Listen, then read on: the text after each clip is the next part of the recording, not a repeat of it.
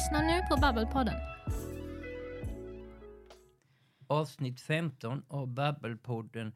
Som ni vet så är ju denna vecka Musikhjälpens vecka. I år har man landat för första gången i Växjö och för en stund sedan så pratade vi med den mest trogna Musikhjälpens supporter.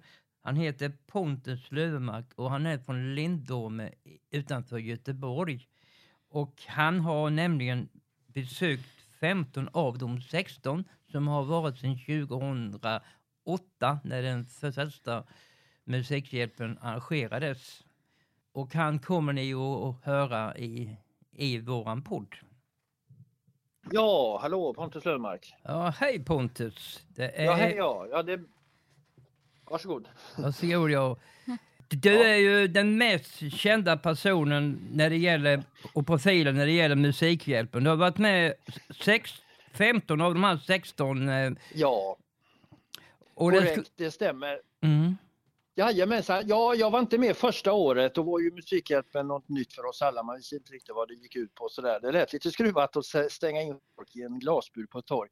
Men jag, jag älskar ju programmet från första början när jag, när jag såg det hemifrån. Men från andra året, mycket riktigt då, eh, 09, eh, 2009 då va, så då har jag sedan dess varit en, en trogen följare och eh, varit på torget i lite olika städer så att det blir eh, i år i, när jag åker till Växjö, jag ska dit om några timmar, eh, eller jag åker klockan fyra i eftermiddag med tåg, så då blir det femtonde gången jag besöker detta fantastiska och så viktiga program framförallt.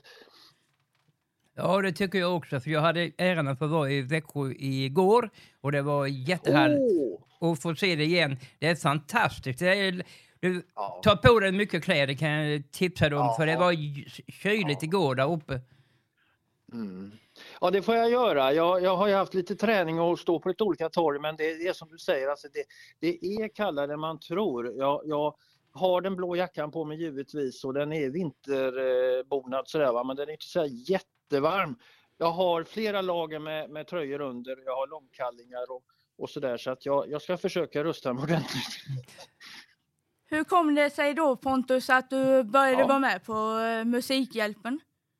Ja, men alltså jag, jag säger, jag, säger eh, det, jag hade ju inte förväntat mig och trott att jag skulle eh, följa Musikhjälpen eh, på det här sättet men jag, jag åkte in, jag, jag förälskade mig eller tyckte Musikhjälpen redan från eh, 2008 där när de började. Det var ett väldigt bra koncept, trevligt med musik, underhållning och ett viktigt tema och man kunde engagera sig på många sätt och vis. Och sen när, när Musikhjälpen kom till Göteborg, jag bor nämligen alldeles utanför Göteborg här, eh, i Mölndals kommun. Då åkte jag in på natten.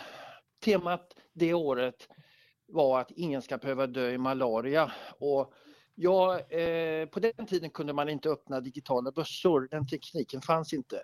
Utan jag skänkte pengar genom en lucka in i buren och önskade några låtar där och så ställde jag mig på utsidan eh, på natten var det, jag åkte in på en lördag och stod där ett par timmar eh, för att eh, peppa programledarna och det var inte många som följde Musikhjälpen på samma sätt som i nu då va? men vi var några tappra som stod där ute i kylan. De flesta bröt efter en halvtimme för det var, det var faktiskt 17 minusgrader eh, den, eh, den natten. Men när jag sen kommer hem, och det hade jag ju inte kunnat tro, då ser jag i grafiken på tv-rutan, programmet gick eh, och gör ju fortfarande det, det går ju i den vanliga tvn också. Då kom det in massa meddelanden på skärmen som folk kunde skicka in på den tiden. Och då stod det, vem är mannen i den blå jackan? Han ser ut att frysa. Ta in mannen i den blå jackan. Och de där meddelandena som de rullade hela natten, det, hakade upp sig i tv-rutan. Och jag gick in på Facebook, som jag, jag hade inte Facebook på den tiden, men det gick ju att gå in på deras hemsida. Och då stod det en massa stöttande, jättefina kommentarer. Och då kände jag, ja men oj, här har hänt någonting. Jag, jag hade inte eh, trott det skulle bli så uppmärksammat. Så jag åkte in dagen efter på finaldagen och då intervjuade de mig faktiskt från utsidan. Och då fick jag prata med Christ, eh, Christer Lundberg från Kvällspasset bland annat och en annan tjej där. Och så var det ju han eh, Jason Timbuktu var ju programledare också eh, och det var han två år senare också. Jättefin kille, duktig, väldigt kunnig. Och, det, och eh, då kände jag bara det att oj, Musikhjälpen, får jag sån stöttning? Kan jag göra skillnad? Kan jag få in pengar? Kan jag och vi andra fortsätta peppa det här programmet? Eh, så vill jag gärna göra det och när de sen flyttade ner buren till Malmö de första åren åkte buren mellan Göteborg och Malmö. Då åkte jag tåget ner och eh, ställde mig utanför där och eh, önskade låtar och skänkte pengar och vinkade till programledarna och pratade med folk och, och så vidare. Och då eh, så märkte jag att det blev en sån otrolig uppmärksamhet. Eh, och då kände jag när Musikhjälpen åter, återkom till Göteborg att kan jag göra nytta så vill jag fortsätta med det. Och sen har, har det blivit en eh, årlig tradition även för mig att jag följer Musikhjälpen mm. eh, i landet. Jag trodde inte jag skulle åka ända upp till Umeå när de la programmet där men då fick jag in 1,2 miljoner mm. i bössan. Mm. Och det lär ju aldrig komma upp igen för nu är det ju så många bussar som har öppnats. Vilket är jättebra och otroligt positivt. Men din... Så kan jag, mm. ja förlåt nu pratar jag för mycket. Ja, nej men din buss är ju väldigt hög även i år har jag ju gått in och tittat ju. Så den växer ju också detta året här i Småland ju. Oj, oj, ja men vad roligt. Ja men det, det, är, det är värmande i hjärtat alltså. Då, då, då känns det så meningsfullt att åka till Musikhjälpen. Jag, jag, jag tar semester hela den här veckan, följer programmet hemifrån och sen eh, åker jag till, till programmet. Jag, jag lägger mycket kraft på det här. Men det, det, det värmer i själen. Får jag fråga dig Pontus, vad jobbar ja. du med? Jag jobbar inom eh, LSS eh, i Mölndals kommun på ett boende. Jag har jobbat som personlig assistent och ledsagare dessutom tidigare och sådär va. men nu, nu är jag eh, stödassistent heter det eh, på ett boende. Jag jobbar vaken natt eh, på ett på ett LSS-boende kallar vi det numera då, eh, som ni vet kanske. Och där jobbar jag, jag jobbar heltid så det blir väl 13 vakna nätter i månaden ungefär. Mm. Det mm. låter ju intressant. Men jag var, ja. lite, jag var bara lite intresserad var du hade jobbat. För jag här hade jag talat om att eftersom vi själva är från daglig verksamhet här nere och jag hade ja. talat om att du var från LSS så jag ville bara ställa den frågan. Ja, ja det förstår jag. Jajamän. Jag, jag har jobbat inom detta i säkert 30 år nu med mina timanställningar. Eh, så halkade jag in på det här och jag har inte ångrat den yrkesbanan. Det ger mycket tillbaka. Jag, jag har jobbat med Eh, ja, på väldigt många olika ställen och, och, och, känt att det här ger väldigt mycket tillbaka. Det är ett kvinnodominerat yrke men det har kommit mer, mer killar och män med åren också. Det är ju bara positivt också. Mm.